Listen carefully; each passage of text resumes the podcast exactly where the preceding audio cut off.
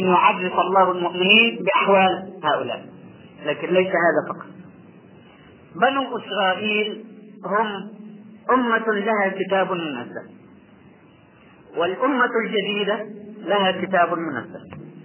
وقام لبني إسرائيل حكم في الأرض ملك في الأرض. واليوم يقوم للدولة الجديدة ملك في الأرض تمكن في الأرض.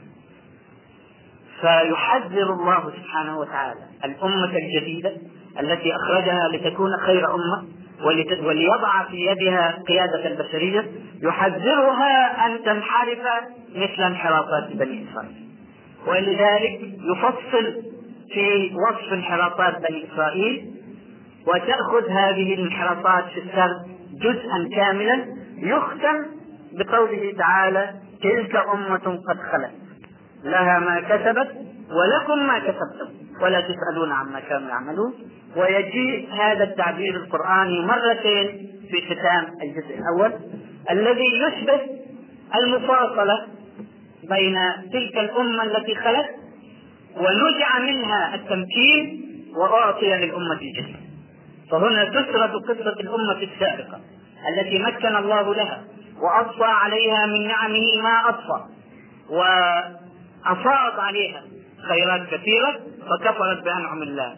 وعوجت وانحرفت وعاشت في الأرض فسادا يذكر تاريخها قبل أن يقول للمؤمنين هذه أمة قد خلت ونزع منها التمكين وأعطي لكم فماذا أنتم فاعلون؟ بالعهد الذي عهد الله به إليكم بعد أن نزعه من تلك الأمة الضالة المضلة المنحرفة. هنا التحذير يأتي في مكانه في بدء قيام الدولة. يتلى عليها التاريخ الأسود للأمة السوداء لكي تستقيم هي ولا تقع فيما وقعت فيه تلك الأمة. مع الأسف أنذر رسول الله صلى الله عليه وسلم هذه الأمة بأنها ستتبع سنن الذين من قبلها حذو القزة بالقزة حتى إن دخلوا جحر ضب دخلتموه. وقد ترون اليوم كيف صارت هذه الأمة المسلمة التي أخرجها الله لتكون هي أمة القيادة والريادة هي الأمة الشاهدة. كيف ظلت تتراجع؟ وكيف صار بها الأمر أخيرا؟ أن تكون في ذيل القافلة وأن تقلد الذين حذرهم حذرها الله من تقليدهم وفتح أمامها صفحتهم السوداء لكي لا يقعوا فيما وقعوا كل شيء بقدر طبعا. وما حدث عنه رسول الله صلى الله عليه وسلم بالإلهام والوحي قد وقع لكن هذا لا ينفي عن تلك الأمة المسؤولية لقد حذرت ولقد نبهت ولقد وضع التاريخ أمامها لكي تحذر فلم تحذر. فأصابها ما أصابها اليوم. في في رواية من روايات هذا الحديث حتى إن أحد إن أتى أحدهم امرأته يعني في على المكشوف يعني صنعتم وقد أصيبت هذه الأمة بالتقدم والتحضر فصار فيها من ينادي بالتحرر من جميع القيود تقليدا لليهود والنصارى مع الأسف. هذا الدرس هذا الدرس ليس درسا تاريخيا. يعني يتلى مرة للتوعية التاريخية وينتهي. هو درس دائم مع هذه الأمة. لإيقاظها دائما. ألا تقع فيما وقع في الضالون المضلون. فإن كانت قد وقعت الآن فعليها أن تعود. عليها أن تعود إلى مكانها الذي أخرجها الله له وعليها أن تقلع عن تقليد اليهود والنصارى. وقد دخلوا جحر الضب بالفعل. طبعا ليس المقصود هو جحر الضب الحسي إنما المقصود المعيشه الضنك التي تعيشها الجاهلية المعاصرة زاعمة أنها تعيش الحضارة والتقدم وتتبعها الأمة الإسلامية وتضيق حياتها رويدا رويدا وهي تدخل جحر الضب. على الأمة أن تسيء إلى ذلك الدرس وأن تعتبر بما أنزله الله إليها في كتابه المنزل لأن كل كلمة درس. وكل كلمة توجيه. الحديث عن بني إسرائيل الذي استغرق جزءا كاملا تأتي له مقدمة.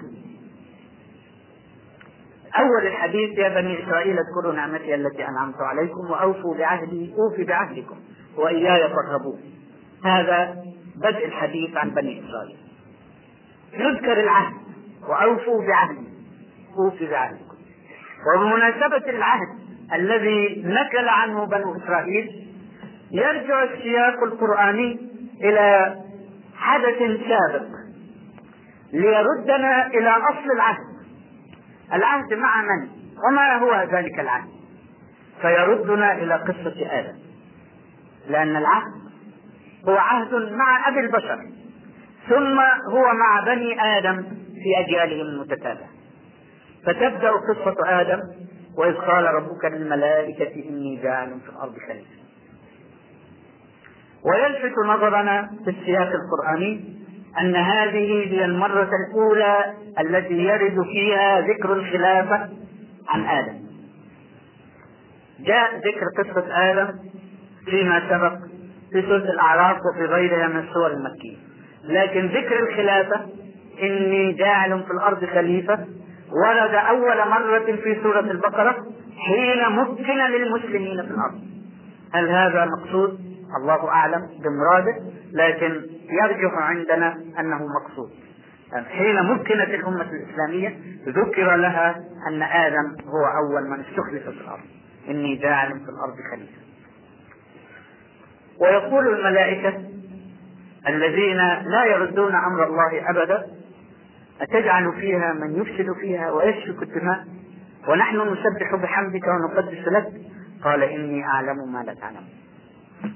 الملائكة سواء كانوا بعلم لدني من الله سبحانه وتعالى. أو كما يقول بعض المفسرين أن البشر هم خلفاء لجنس سابق أفسد في الأرض وسفك الدماء. فالملائكة يعلمون من حاله أنهم سيفسدون في الأرض ويسفكون الدماء. يستعجبون حين يخاطبهم رب العزة ويخبرهم أنه سيجعل في الأرض خليفة. فيردهم الله إلى علمه قال إني أعلم ما لا تعلمون. وعلم آدم الأسماء كلها. هنا برز هذا الخليفة بمزية لم يسبق إليها في الكائنات كلها. أن الله علمه. علمه ليقوم بدور الخلافة في الأرض. الدروس كثيرة والوقفات طويلة وأنا ما أحب أن أطيل عليكم ولكن يشدني السياق القرآني فأعرج بكم على خواطر تهفو لها نفسي. السياق القرآني يعلمنا أن الله هو الذي علم آدم الأسماء كلها. يعني المعرفة هبة من عند الله سبحانه وتعالى. ما موقف الإنسان إزاء هذه الهبة؟ أن يكون شاكرا لله سبحانه وتعالى. الأساطير الإغريقية ماذا تقول في هذه القصة؟ وماذا ينعكس من الأساطير الإغريقية على جاهلية؟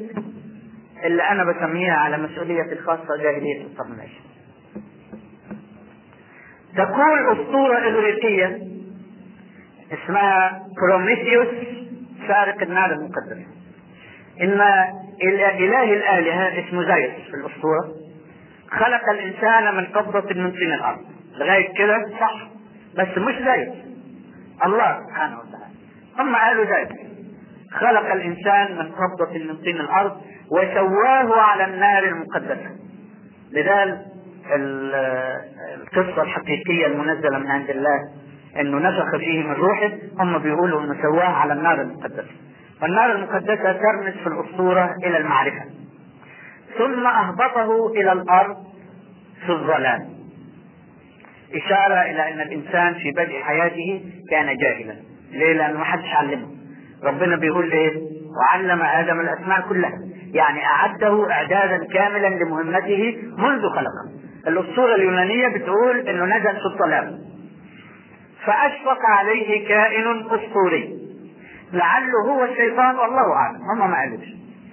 سموه بروميثيوس في الأسطورة فسرق له النار المقدسة من من زيوس.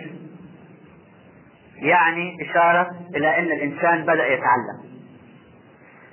فغضب زيوس غضب على الاثنين على بروميثيوس وعلى آدم اسمه في الاسطوره ايبيميثيوس فأما زي فأما بروميثيوس فقد وكل به نسرا يأكل كبده طول النهار وتنبت له كبد جديدة في الليل فيأتي النسر ويرعاها طول النهار في عذاب أبدي.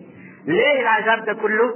لأنه سرق النار المقدسة، أولا زيوس لم يستطع استرداد ما سرق منه. وثانيا هو غاضب على إعطاء المعرفة للإنسان، لأنه لم يكن يريد له أن يعرف. هو خلقه ورماه في الظلام وتركه. فلما أشفق عليه هذا الكائن الأسطوري غضب. غضب على بروميثيوس وغضب على ابيميثيوس الذي يرمز إلى آدم.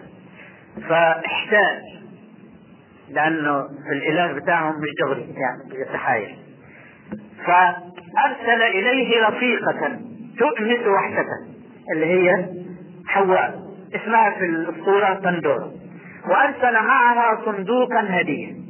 فلما فتح الصندوق إذا به مملوء بالشرور فتناثرت الشرور وملأت وجه الأرض وهذا هو الانتقام الرباني نستغفر الله انتقام زايوس من الإنسان الذي تعلم خلاصة الأسطورة إيه؟ كيف هي العلاقة بين الإنسان وبين الآلهة؟ علاقة حب؟ علاقة مودة؟ لا علاقة حقد متبادل الإنسان يريد أن يتعلم ليكون إلها ليشبه الإله والآلهة تضرب فوق رأسه كلما رفع رأسه تحطمه بالمصائب والويلات. هذا هو التصور الذي تعطيه الأسطورة اليونانية. لا تعطي علاقة مودة بين الآلهة والبشر. لا تقول إن الله هو الذي علم إن الله هو الذي أعطى إن الله راض عن الإنسان وهو يعلمه الأسماء ويعلمه كيف يعيش في الأرض؟ لا. هذا كله هذا العلم كله غصب مغتصب من الإله. والإله غاضب ويريد أن يحطم الإنسان كلما تعلم.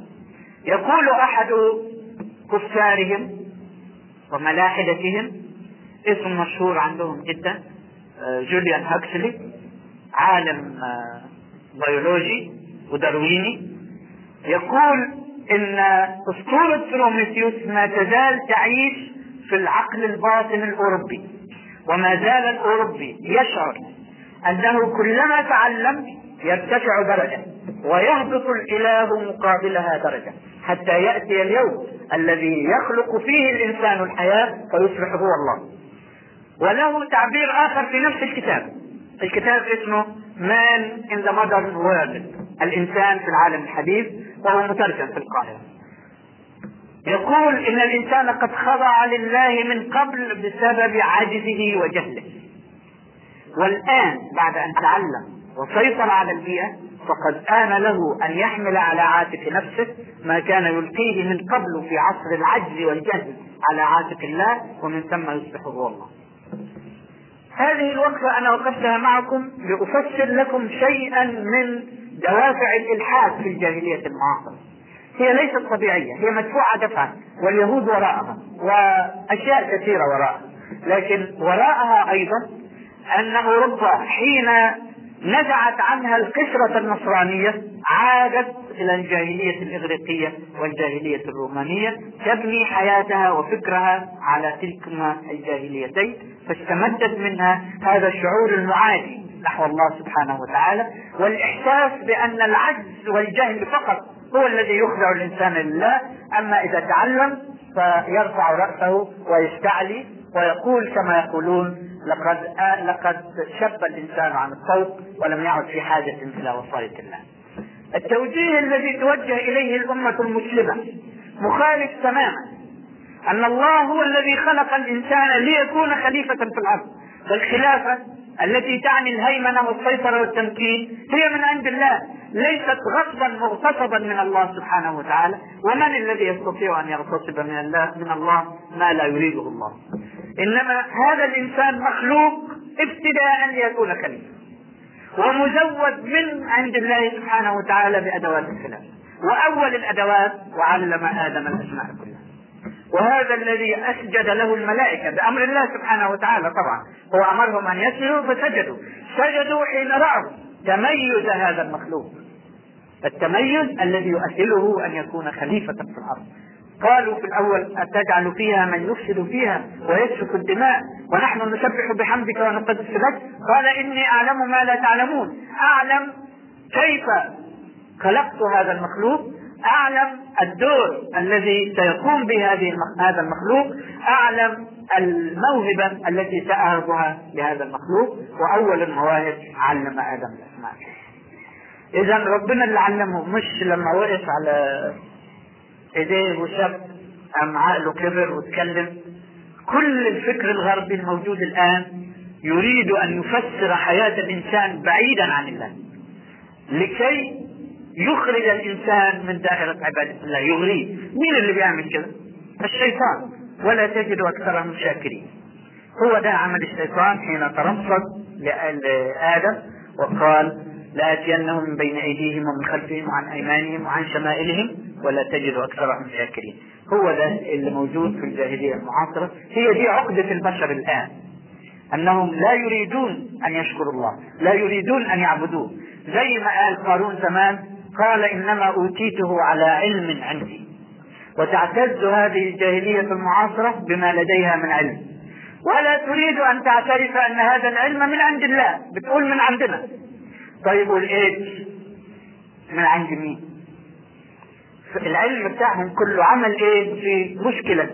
عاقبهم الله بها على كفرهم وإلحادهم وهو القائل سبحانه قل هو القادر على أن يبعث عليكم عذابا من فوقكم أو من تحت أرجلكم أو يلبسكم شيعا ويذيق بعضكم بأس بعض. نمضي قليلا مع قصة آدم ونختم درسنا الليلة. آدم آه لبث في الجنة ما شاء الله له أن يلبث وأغواه الشيطان أزلهما الشيطان فأخرجهما مما كان فيه وحدثت الخطيئة وأهبط الله آدم إلى الأرض لكن وهو يهبطه إلى الأرض أوصاه أعطاه وصية تنبيه إرشاد ولكم في الأرض مستقر ومتاع إلى حين. هذه واحدة. أباح له قدر من المتاع. والثانية أنه قال له فإما يأتينكم مني هدى فمن تبع هداي فلا خوف عليهم ولا هم يحزنون. والذين كفروا وكذبوا بآياتنا أولئك أصحاب النار هم فيها كافرون. هذا هو العهد. العهد مع أبي البشر آدم. هل هو أول عهد؟ لا ليس هذا أول عهد. العهد الأول هو وإذ أخذ ربك من بني آدم من ظهورهم ذريتهم وأشهدهم على أنفسهم ألست بربكم؟ قالوا بلى شهد. العهد الثاني هو ما عهد به الله سبحانه وتعالى إلى آدم إنه أو إلى بني آدم إنه فإما يأتينكم مني هدى فمن تبع هداي فلا خوف عليهم ولا هم يحزنون والذين كفروا وكذبوا بآياتنا أولئك أصحاب النار هم فيها خالدون إذا العهد هو ماذا؟ العهد أن يستقيم على أمر الله ربنا أخرجه هنا ليكون خليفة هل هو صاحب الملك؟ هل هو صاحب الأمر؟ عشان يتصرف زي ما يعجبه يقول مزاجي كده رأيي كده تفكيري كده الكمبيوتر بتاعي قال لي كده لا ده هو مستخلف في الأرض والمالك هو الله سبحانه وتعالى فما وظيفة المستخلف؟ هو مخلوق ليعمر الأرض هو أنشأكم من الأرض واستعمركم فيها. لكن على أي منهج يقوم التعمير؟ على المنهج الرباني على أوامر المالك. لأن المالك وضع هذا المخلوق ليعمر الأرض بإذنه فعليه أن يلتزم بأوامر المالك. لما المالك يقول للفلاح ازرع هذه قمحا وازرع هذه ذرة وازرع هذه قطنا وازرع هذه زهورا.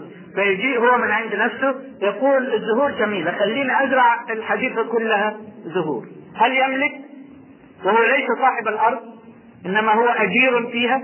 هذا حال آدم مع ربه ولله المثل الأعلى هو استخلفه في الأرض وأذن له بقدر من المتاع ووجهه إلى عمارة الأرض ولكن اشترط عليه أن يعمرها بمقتضى ما يأتي من الوحي. هذا العهد يذكر به بنو إسرائيل ويقال لهم يا بني إسرائيل أوفوا اذكروا نعمتي التي أنعمت عليكم وأوفوا بعهدي. يذكرهم بالعهد الأول والذي عهد إلى آدم أو الثاني إذا اعتبرنا عهد الذر هو العهد الأول. ثم يذكرهم بعهده الخاص إليهم إذ عهد إليهم أن يكونوا هم الأمة المؤمنة ويمكن لهم في الأرض. فآمنوا فترة ومكن لهم في الأرض بالفعل ثم كفروا وكذبوا وساروا في الطريق المعوج فنزع منهم التمكين. قبل ما يعلن نزع التمكين بقية الجزء الأول في سورة البقرة عبارة عن سرد لمخازي بني إسرائيل وتاريخهم الأسود وينتهي الكلام بقوله تعالى تلك أمة قد خلت. لها ما كسبت ولكم ما كسبتم ولا تسألون عما كانوا يعملون. دقيقة أو دقيقتين في هذه الوقفة أو في هذا الدرس. هذه الآية وردت مرتين. في نفس الجزء. تلك أمة قد خلت المرة الأولى مع الحديث عن إبراهيم ويعقوب وإسحاق. أم كنتم شهداء إذ حضر يعقوب الموت إذ قال لبنيه ما تعبدون من بعدي؟ قالوا نعبد إلهك وإله آبائك وإله آبائك إبراهيم وإسماعيل وإسحاق إلها واحدا ونحن له مسلمون. تلك أمة قد خلت. هنا ذكر الأنبياء. وكيف أوصوا بني إسرائيل أن يستقيموا على العهد؟ يجيء بعدهم مباشرة وقالوا كونوا هودا أو نصارى تهتدوا. مش الهدى إنهم يتبعوا الأنبياء الهدى التعصب الديني للفرقة. كونوا هودا أو نصارى تهتدوا. قل بل ملة إبراهيم. إبراهيم الذي قال لبنيه آه، اتبعوا آه، ما جاءكم من عند الله واعبدوا إلها واحدا. ويستمر الكلام في المفاصلة. قولوا آمنا بالله وما أنزل إلينا وما أنزل إلى إبراهيم وإسماعيل وإسحاق ويعقوب والأصباط إلى آخر الآية. ثم يقول صبغة الله. ومن أحسن من الله صبغة ونحن له عابدون. ده الفارق بين الأمة الجديدة والأمة القديمة. الأمة القديمة اللي نزع منها العهد لكفرها وكذا وكذا هذه الأمة الجديدة التي يعهد إليها صبغة الله تتبع صبغة الله وينتهي الكلام مرة أخرى بالمفاصلة تلك أمة قد خلت لها ما كسبت ولكم ما كسبتم. ولا تسألون عما كانوا يعملون.